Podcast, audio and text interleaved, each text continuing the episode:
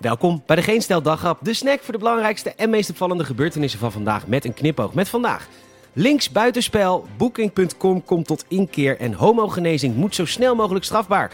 Mijn naam is Peter Bouwman en dit is het nieuws van vrijdag 4 juni.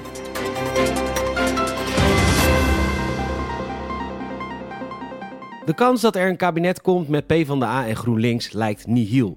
Rutte voegt zich bij Hoekstra en stelt dat het linkse Lego-blokje te ver van de VVD afstaat. En dat maakt het hele formatiegedoe nogal complex. PvdA en GroenLinks houden aan elkaar vast, klagen steen en been en willen dat Wopke komt praten. Maar dat is hetzelfde als een verplicht trio waarvan je er een wel redelijk aantrekkelijk vindt, de ander totaal niet. En dan krijg jij de schuld omdat je.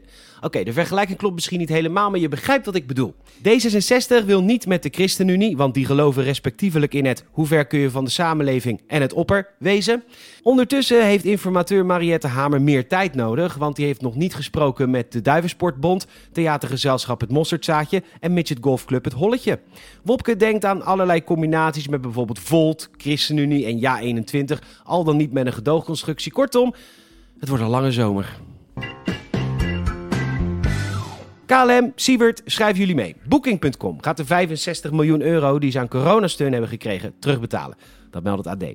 Er was nogal wat verontwaardiging onder de bevolking, omdat de top afgelopen jaar wel een bonus kreeg van 28 miljoen dollar.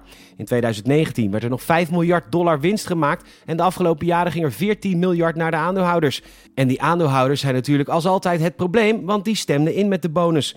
Net als de aandeelhouders van Air France trouwens, die topman Ben Smith een langetermijnbonus hebben toegekend, terwijl wij, de belastingbetaler, miljarden aan KLM hebben betaald, omdat KLM 102 jaar na de oprichting genoeg vet op de botten had om nog geen twee weken in crisistijd het vol te houden. Toen zat de Nederlandse topman Pieter Elbers al huilie-huilie aan de talkshowtafels te vertellen dat het geld al op was. In het boek Ondernemen voor Dummies staat dat je drie tot vijf keer je maandinkomen opzij moet houden voor calamiteiten en niet drie tot vijf dagen.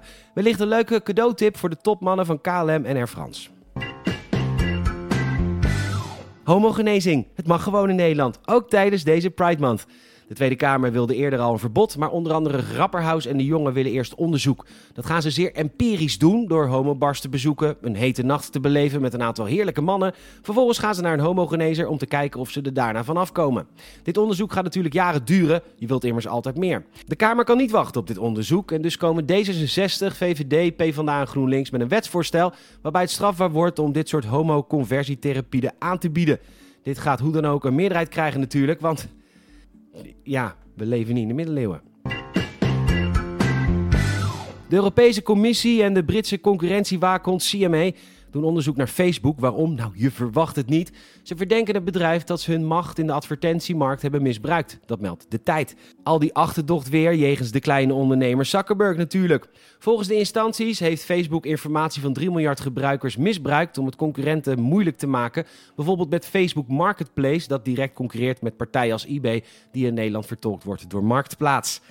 Het is de eerste keer dat een degelijk onderzoek wordt gedaan, maar als Facebook hierop wordt aangesproken met mogelijke sancties, dan is het een grote klap voor Big Tech. Amazon profiteert dankzij hun winkel van streamingsdiensten, Apple dankzij hun telefoons van Apple Pay en Google via de zoekmachine van YouTube zal dan de Europese Unie zijn die als eerste een echte vuist maakt tegen Big Tech. Die kans is best aanwezig, want van Amerikanen hoeft het in ieder geval niet te komen. Verschillende senatoren stelden de stomste vragen aan Facebook-topman Zuckerberg met referenties aan videobanden, floppy disks en hoe het toch in godsnaam kan dat Facebook geld verdient.